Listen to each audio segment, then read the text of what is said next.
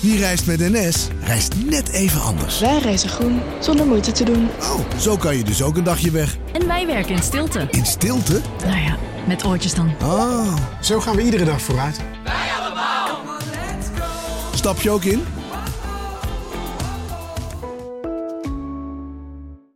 Een maatschappij waarin iedereen meedoet. Een gezonde, groene en rechtvaardige wereld. Daar willen jij en heel veel andere mensen best iets aan bijdragen. In het klein en in het groot. Dicht bij huis en ver weg. Zo hebben we vorig jaar 349 miljoen euro bij elkaar gebracht.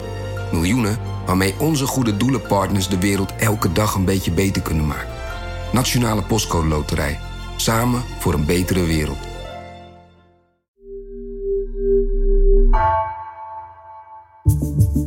Vanaf de redactie van NRC het verhaal van vandaag. Mijn naam is Gabriella Ader.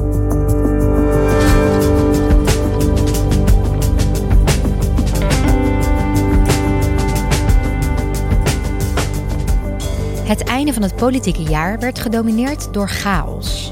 Het kabinet viel, Rutte kondigde zijn vertrek aan en daarna voegden andere partijleiders en bewindslieden.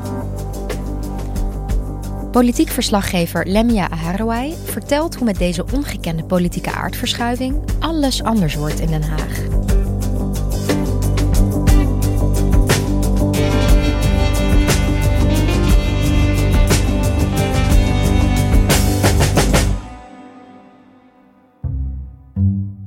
Lemia, super fijn dat je bij ons in de studio bent. Want we willen heel graag een politieke update maken vandaag. Over wat er allemaal is gebeurd. Neem ons eens mee. Heb je even? Ja. er is nogal veel gebeurd uh, in uh, de tijdspannen van wat eigenlijk de eerste week van het zomerreces zou moeten zijn. Hè? Dat iedereen in Den Haag uh, eventjes ertussenuit gaat voor de zomervakantie. Maar het tegenovergestelde gebeurde. Want dat begon één week en één dag geleden, om precies te zijn, uh, vorige week maandag. Toen kondigde Mark Rutte aan dat hij niet terug zou keren als lijsttrekker van de VVD bij de eerstvolgende Tweede Kamerverkiezingen. Gisterochtend heb ik het besluit genomen dat ik niet opnieuw beschikbaar ben als lijsttrekker van de VVD. En dat stond niet op zich, dat vertrek, want eerder die maandag had Wopke Hoekstra, de leider van het CDA, in de Telegraaf gezegd: Ik ga niet nog een keer als lijsttrekker voor het CDA de verkiezingen in. Meneer Hoekstra, u gaat het niet doen. Klopt. Waarom niet? Omdat ik vind dat een rol zoals ik die nu heb, dat die echt goed bij me past. Maar dat een rol als partijleider van het CDA, dat dat toch ook nog weer andere dingen vraagt. En ergens tussen Hoekstra en Rutte in was er ook nog Pieter Heerma, de CDA-fractievoorzitter in de Tweede Kamer. Ik ben heel dankbaar dat ik mijn partij en het land elf jaar heb mogen dienen als Kamerlid. Maar het is nu tijd voor een nieuwe generatie. Dus dit was allemaal één dag. Later in de week maakte ook nog Sigrid Kaag, de partijleider van D66, bekend dat ze ook zij de politiek wil gaan verlaten na de Tweede Kamerverkiezingen. Vandaag maakte Kaag haar besluit om niet verder te gaan bekend via Twitter. Ze noemt in de verklaring haat, intimidatie en bedreiging en het effect daarvan op haar gezin de reden om te stoppen. En dat lijstje werd eigenlijk in de loop van de week alleen maar langer. Dus Carola Schouten, de minister voor armoedebeleid van de ChristenUnie en vicepremier, die heeft ook aangekondigd niet meer terug te willen keren in de politiek. Dus ik maak deze periode af. Maar dat het dan niet meer terug zal komen op de kandidatenlijst van de ChristenUnie of in welke rol dan ook hier in Den Haag. En dat is interessant, want dat betekent in ieder geval dat de minister-president en de drie vicepremiers van de coalitiepartijen allemaal hebben gezegd dat zij niet meer terugkomen. Uh, maar ook andere bewindspersonen. Ik moet denken aan uh, Marnix van Rij, de staatssecretaris op belastingen. Ik moet denken aan Hanke Bruin-Slot, de minister van Binnenlandse Zaken. Dus een heleboel aankondigingen in een hele korte tijd. Hoe uniek is dit? Ja, uniek. Ik bedoel, dit is voor mij de tweede keer dat ik verkiezingen uh, meemaak op het Binnenhof. Maar wat hier anders is, in vergelijking met de afgelopen 13 jaar en verkiezingen daarin, is dat Rutte ook stopt. En dat betekent, heel plat gezegd, de weg naar het torentje ligt weer open. Je zou kunnen zeggen, dat was dan de afgelopen jaren toch ook zo. Iedereen kon hem toch wel um, uh, aan met verkiezingen. De werkelijkheid laat wat anders zien. Niemand kon hem aan tijdens verkiezingen. En hij is nu weg. En dat betekent dat het speelveld echt weer helemaal open ligt. Wat, wat bedoel je daar precies mee? Nou ja, dat politiek is voor een groot deel ook hoe verhouden mensen en partijen zich tot elkaar. En de afgelopen 13 jaar heeft iedereen en alles zich de hele tijd moeten verhouden tot Rutte. Je zag dat in campagnes. Hè? Dus partijen kozen er heel specifiek voor om zich of tegen Rutte te keren. Uh, doet de SP bijvoorbeeld altijd heel erg nadrukkelijk. Hè? Rutte is de schuld van dit en dit en dit. Je hebt partijen die zich als alternatief proberen op te werpen van Rutte. Dat heeft het CDA bijvoorbeeld geprobeerd te doen tijdens de vorige Tweede Kamerverkiezingen. Door Wopke Hoeks daar heel erg neer te zetten als iemand die ook centrumrecht is. Oh ja. Maar dan, ik weet niet of je je nog kan herinneren, de Family Man mm met zijn vrouw Lieselot en de kinderen. Ten opzichte van Rutte, ja, de eeuwige single. De Bachelor, dat was echt wel het idee achter die campagne toen de tijd. Niet helemaal gelukt. Dus de campagnes gingen over het verhaal van verschillende partijen. Maar altijd ja, naast Rutte. Er zijn dus heel veel gaten te vullen. Wie gaan dat doen? Ja, daar zijn al die partijen natuurlijk heel erg druk mee bezig. En wij uh, zitten daar mm, over hun schouders proberen we mee te kijken met waar ze precies mee bezig zijn. Het is uh, grappig, want in zo'n week er gaan altijd lijstjes rond van partijen en wie het dan eventueel zou kunnen doen. En dus het eerste wat er gebeurt is dat mensen zeggen dat ze het niet willen doen. En in sommige gevallen wijst de vinger dan als vanzelf naar iemand die het eventueel nog wel kan doen. Ik denk dat de VVD daar een goed voorbeeld uh, van is. Want daar waren alle ogen in eerste instantie eerst op gericht. Wie gaat Rutte opvolgen? Dylan Jessilgus, nu demissionair minister van Justitie en Veiligheid, die wil dat graag doen. Waarom heeft u besloten om partijleider te willen worden van de VVD? Omdat ik tot in mijn tenen gemotiveerd ben om ervoor te zorgen dat dit land nog mooier, nog vrijer, nog welvarender wordt. En ik hoop en ik denk dat ik echt een bijdrage kan leveren. Als je kijkt um, wat ik meeneem aan kennis en ervaring, maar ook mijn motivatie. Dus uh, ik, ik, zal er vol voor gaan. Heel even was er een tegenkandidaat, André Bosman, voormalig VVD-Kamerlid. Maar die heeft zich inmiddels alweer teruggetrokken. Dan is er D66. Die Nederlandse belofte dat je vrij bent om te worden wie je wilt zijn, zonder angst voor de toekomst of voor elkaar. Rob Jette heeft zich gekandideerd daar als uh, de opvolger van uh, Sigrid Kaag. Ik denk dat het kan.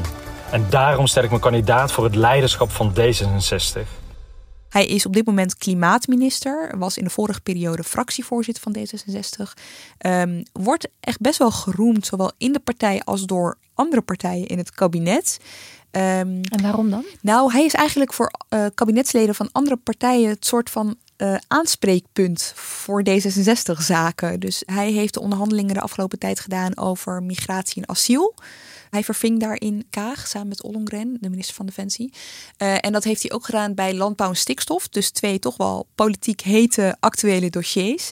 Waarin hij het woord voerde en andere partijen zeggen: ja, hij is goed in luisteren, uh, weet goed uh, hoe hij ook wat weg kan geven. Dus daar werd eigenlijk best wel enthousiast op gereageerd. Dat zijn, doen partijen niet altijd over elkaar, laat ik nee. het zo zeggen. En ook inderdaad twee belangrijke onderwerpen, ook al zit het niet in zijn portefeuille per se. Ja, er hebben zich nog geen andere kandidaten bij D66 gemeld kan nog gebeuren. De week is nog jong. We hebben vorige week gezien hoeveel er kan gebeuren in één week. um, en dan het CDA. Nou, we hadden het net al even over Hoekstra. Die stopt dus. Het is nog onduidelijk wie hem gaat opvolgen. Uh, het bestuur heeft daar wel gezegd, we willen heel graag een eenvoudige voordracht doen. Dat is een chique manier om te zeggen, we willen in godsnaam geen verkiezingen. De vorige keer is dat namelijk gelopen op een manier die ze niet helemaal is bevallen. Maar ja, er zijn wat namen die genoemd worden bij het CDA. Uh, de Kamerleden Henry Bontebal uh, voert het woord op klimaat en Dirk Boswijk voert het woord op stikstof. Worden wel eens genoemd. Uh, gedeputeerde in Utrecht, Mirjam Sterk, wordt wel eens genoemd. Maar het is echt nog te vroeg daar. Ik, zelfs ik als CDA-volger durf nu nog niet te zeggen hoe dat gaat aflopen daar. En bij de ChristenUnie, de laatste en kleinste coalitiepartij, uh, heeft Mirjam Bikker, die is nu fractievoorzitter, de opvolger van Gert-Jan Segers, al gezegd dat ze dit keer dus ook, dat ze dus voor haar de eerste keer lijsttrekker wil worden tijdens de Tweede Kamerverkiezingen. En dit zijn de coalitiepartijen. Dan gebeurt er ook nog wel wat spannends bij de oppositie, vooral bij de linkse oppositie. Want uh, de PvdA en GroenLinks, die hebben het natuurlijk al heel lang over een soort van fusie, een soort van samengaan. En nu het kabinet is gevallen, hebben ze daar gezegd: oké, we willen deze Tweede Kamerverkiezingen van november in met één lijst voor de Tweede Kamer, één verkiezingsprogramma en ook één lijsttrekker. Dus uh, het is een beetje ja, voor de, de, politieke nerd hoe het CDA ooit tot stand is gekomen. Dus eerst gaan de drie partijen het samen proberen in dat geval en uh, een verkiezing samen doormaken en daarna kijken of het ook echt wat is. Oké. Dus hoe zullen we het noemen? Het is het samenwonen voordat je besluit ook echt te trouwen. Te trouwen, Ja, oké, helder. Ja, deze maandag was daar dus een referendum over, of tenminste de uitslag werd bekendgemaakt. En daar gebeurde wat eigenlijk al wel werd verwacht. Een merendeel van de leden van PvdA en GroenLinks zei prima, doe maar. En wie zou dan de lijsttrekker worden, denk je? Ja, dat is nog best spannend. Daar horen we later deze week over hoe ze dat precies willen gaan inrichten, dat, eh, dat proces. Maar ook daar worden echt een heleboel namen genoemd. Eh Marjolein Moorman, wethouder in eh, Amsterdam. Frans Timmermans, eurocommissaris. Ahmed Abu Taleb, de burgemeester van Rotterdam. Dus, ehm, Allemaal mensen die eigenlijk nu niet in Den Haag rondlopen. Klopt, ja. En dat betekent dat alles deze verkiezingen echt helemaal anders is. We hebben namen die nieuw zijn die mee gaan doen. We hebben namen die we al kennen. Die gaan we voor het eerst soms tegenover elkaar zien in spannende verkiezingsdebatten, hopelijk. Ja, dit worden andere verkiezingen. Ja, en zorgen die nieuwe mensen dan ook voor nieuwe verhoudingen? Nou ja, kijk, alles ligt open. Dat is voor een politiek verslaggever eigenlijk super interessant. Want je kan niet zeggen dat het voorspelbaar zal zijn, want het is moeilijk in te schatten. Um, ik zal je een voorbeeld geven. Uh, de PVV van Geert Wilders is de afgelopen keren eigenlijk steeds uitgesloten door andere partijen. Door andere grote partijen die een grote kans hadden om te gaan regeren. Uh, je zag het nog tijdens de Tweede Kamerverkiezingen van 2021, de Tweede Kamerverkiezingen van 2017. Alleen die andere grote partij op dit moment in de peilingen, BBB, heeft uh, Wilders, heeft de PVV nooit uitgesloten. Wat gaat dat straks betekenen? Je zag al in het Kamerdebat in de Tweede Kamer over de val van het kabinet dat Wilders zich heel nadrukkelijk opstelde als een partij als iemand die graag mee wil doen. Hij was van plan om verantwoordelijkheid te nemen. Dat wilde hij wel. En mijn partijvoorzitter, de PVV, wil graag samenwerken. Wij willen samenwerken met andere partijen. Wij willen verantwoordelijkheid nemen. En wij sluiten daarbij zelf bijvoorbeeld geen enkele partij uit. Nou ja, dat kan een bepaalde dynamiek met zich mee gaan brengen, om maar Ja. voorbeeld te noemen. Dus er zijn interessante combinaties mogelijk. Er zijn interessante combinaties mogelijk. Kijk, Caroline van der Plas, de voorvrouw van BBB, heeft in de afgelopen maanden een paar keer gezegd dat zij niet in een kabinet zou stappen met Rutte als voorman van de VVD. Nou, die is dus weg. Dus een combinatie BBB, VVD. Met een andere lijsttrekker. Absoluut, zou dat Hmm. dan dus wel kunnen. Nou, bij het CDA klinkt al een tijdje, we moeten dit keer echt in de oppositie. Maar gaat dat ook gebeuren als BBB de grootste wordt? En zij krijgen weer de kans om mee te gaan doen. Dus we gaan kijken naar iets wat we nou, zeker 13 jaar niet hebben gezien. Er zijn zelfs mensen die helemaal teruggrijpen naar 2002. Naar de tijd eh, rond de opkomst van Fortuyn. Toen eigenlijk alles zo onzeker was en we op die manier de verkiezingen ingingen. En dan is er nog eh, het zeer populaire Kamerlid Pieter Omtzigt. Hij is echt een stemmentrekker geweest voor het CDA toen hij nog in die fractie zat. Eh, natuurlijk een zeer bekend gezicht bij de toeslagenaffaire. Een van de Kamerleden die veel boven tafel heeft gekregen. En hij twijfelt nog. Hij heeft aangekondigd dat hij ergens in de komende weken eh, gaat eh, zeggen of hij door wil gaan met de verkiezingen. Of hij mee wil doen aan de verkiezingen met zijn eigen partij of niet. Oké, dus daar is ook nog een mogelijkheid dat hij misschien zich bij andere partijen aansluit. Of wat denk je? Nou, hij is wel, zeg maar, als dit een bal was geweest, dan was hij het meest gevraagde debutant geweest. Want eh, BBB eh, wil heel graag Pieter Omtzigt binnenhalen. Ja, 21 wil heel graag Pieter Omtzigt binnenhalen. Het CDA heeft gezegd nog een keer gesprekken te willen gaan voeren met Pieter Omtzigt om te kijken wat ze voor hem kunnen betekenen. Alleen Pieter Omtzigt heeft eigenlijk overal een beetje afgehouden. Die zit daar niet echt op te wachten. Dus ik krijg de indruk dat als hij meedoet, dat hij dat zelf wil doen. Maar over vier maanden zijn die verkiezingen. Dus binnen vier maanden een lijst, een verkiezingsprogramma, eh, een hele partij optuigen. Ja. Daar komt nogal wat bij kijken. Ja, en er zijn ook veel ogen gericht op de BBB. Ja, die wordt af en toe wel eens gepeld als grootste peilingen paling, hè, zeg ik er maar even bij. Maar eh, ze leren ons wel altijd een soort van trend. Dus wij kijken altijd naar de peiling wijzer bij NRC en niet naar afzonderlijke peilingen. En het zijn geen dagkoersen. Het zeg ik altijd belangrijk voor verkiezingen. Maar je kan er wel een soort trend in zien. En BBB groeit echt als kool eh, al heel lang. En dat betekent voor zo'n partij dat als zij meedoen, dat zij een lijst moeten hebben van mensen voor de Tweede Kamer, een forse lijst. Dat zij na moeten gaan denken over dingen waar zij misschien nog wel helemaal niet mee bezig zijn geweest eh, tot nu toe. Dus voor BBB zijn deze verkiezingen denk ik een zegen, omdat ze er zo goed voor staan. Maar ergens ook wel een vloek, omdat het best spannend is om ja, als nieuwkomer Het komt misschien net te vroeg. wie weet, ik bedoel, dat gaan we achteraf gaan we dat natuurlijk zien. Maar eh, ze, zelf zeggen ze de hele tijd dat ze er helemaal klaar voor zijn. Dat ze eigenlijk al heel lang werken aan een lijst. Wat ons betreft, eh, over de campagne maken we ons geen zorgen. We komen net uit een campagne. We hoeven geen nieuwe campagne te bedenken. De spandoeken die we allemaal zagen langs de wegen, die liggen allemaal nog in de schuren. Die kunnen we vanmorgen weer eh, neer worden gezet. We hebben al een, een goslijst van kandidaten. Eh, daar moeten we een tandje bij zetten om eh, eerder met de mensen in gesprek te gaan. En het verkiezingsprogramma staat ook al in de stijgers, maar daar moeten we ook gewoon even een tandje bij zetten. Maar voor alle partijen geldt overigens, er zijn eigenlijk verkiezingen voor het Europees Parlement gepland voor begin volgend jaar. Oh ja. En deze Tweede Kamerverkiezingen komen er tussendoor. Dus campagnebudgetten, lijsten, mensen, energie van vrijwilligers. Eigenlijk gaat dit echt veel meer vragen van partijen dan dat ze vooraf bedacht hadden. Ja, en, en als politiek verslaggever, waar ga jij dan op letten bij de verkiezingen? Een van de belangrijkste dingen voor mij is wat wordt het inhoudelijke onderwerp deze verkiezingen. En dat is niet voor niets, want het werkt tijdens campagnes zo. Partijen doen allemaal heel erg hun best om het onderwerp dat zij belangrijk vinden en waar kiezers ze mee associëren, tot het leidend onderwerp voor de verkiezingen te maken. Want als er tijdens een campagne bijvoorbeeld, uh, ik noem maar iets, uh, veel aandacht is voor asielmigratie, waar het de afgelopen tijd veel voor is gegaan, dan neemt het kans toe dat kiezers dat onderwerp ook belangrijk gaan vinden. En dat ze gaan stemmen op een partij waarmee zij dat thema het sterkst in verband brengen. Dus in dit geval heeft de VVD er veel belang bij dat het de komende tijd veel over asiel en migratie gaat. Heeft BBB er veel belang bij dat het de komende tijd over landbouw en stikstof gaat. Heeft GroenLinks er veel belang bij dat het over klimaat gaat. De SP, zorg, het CDA, normen en waarden. Het Nationaal Kiezersonderzoek, dat is een groot onderzoek van wetenschappers eh, na Tweede Kamerverkiezingen, brengt altijd in kaart hoe wij kiezers dat hebben gedaan. Dus welke onderwerpen we het meest met welke partij hebben geassocieerd. Dat betekent ook dat er onderwerpen zijn waar partijen het liever niet over zien gaan. Dus dat is wel interessant. De VVD heeft het liever niet over stikstof, omdat zij weten dat kiezers BBB daar meer mee associëren. Hmm. Dus het klinkt allemaal heel eh, strategisch misschien of heel theoretisch. Maar als je erop gaat letten de komende tijd, dan zul je dus zien dat bepaalde partijen het liefst het hebben over bepaalde onderwerpen.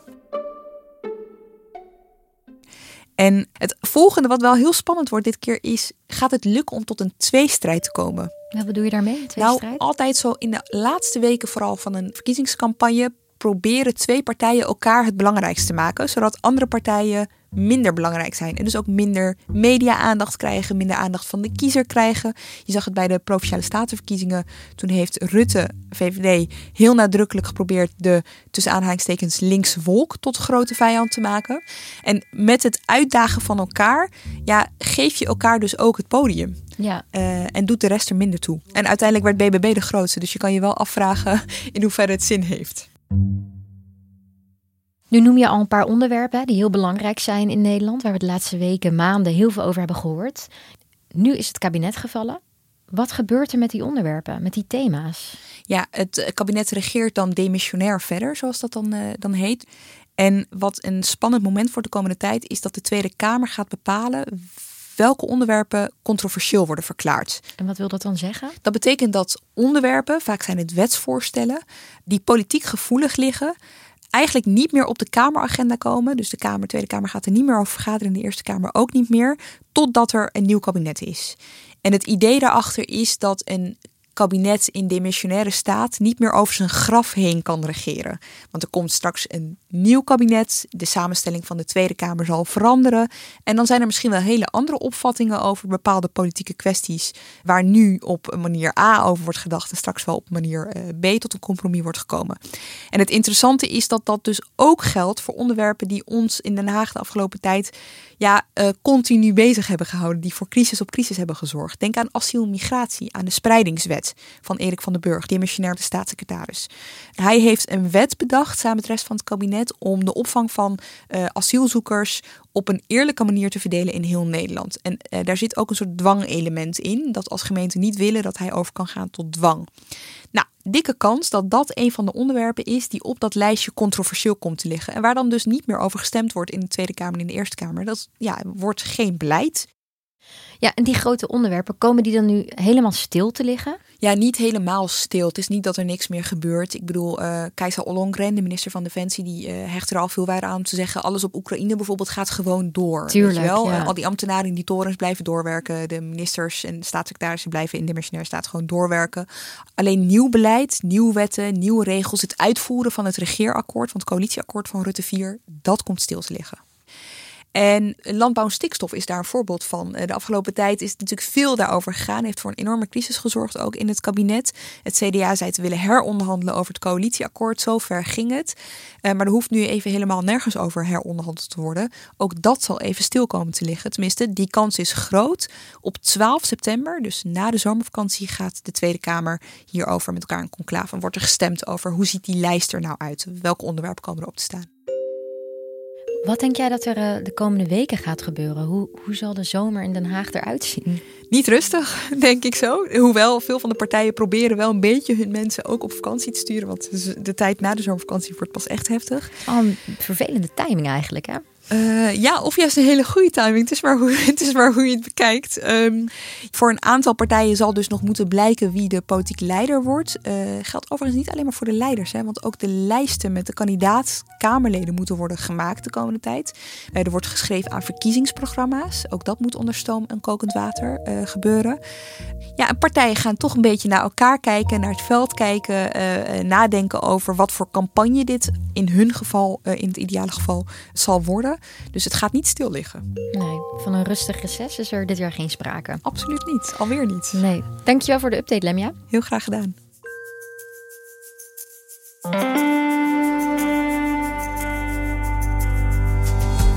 Je luisterde naar vandaag, een podcast van NRC. Eén verhaal, elke dag. Deze aflevering werd gemaakt door Iris Verhulstonk, Esme Dirks, Lis Doutsenberg en Ruben Best. Coördinatie door Nina van Hattem. Dit was vandaag, morgen weer.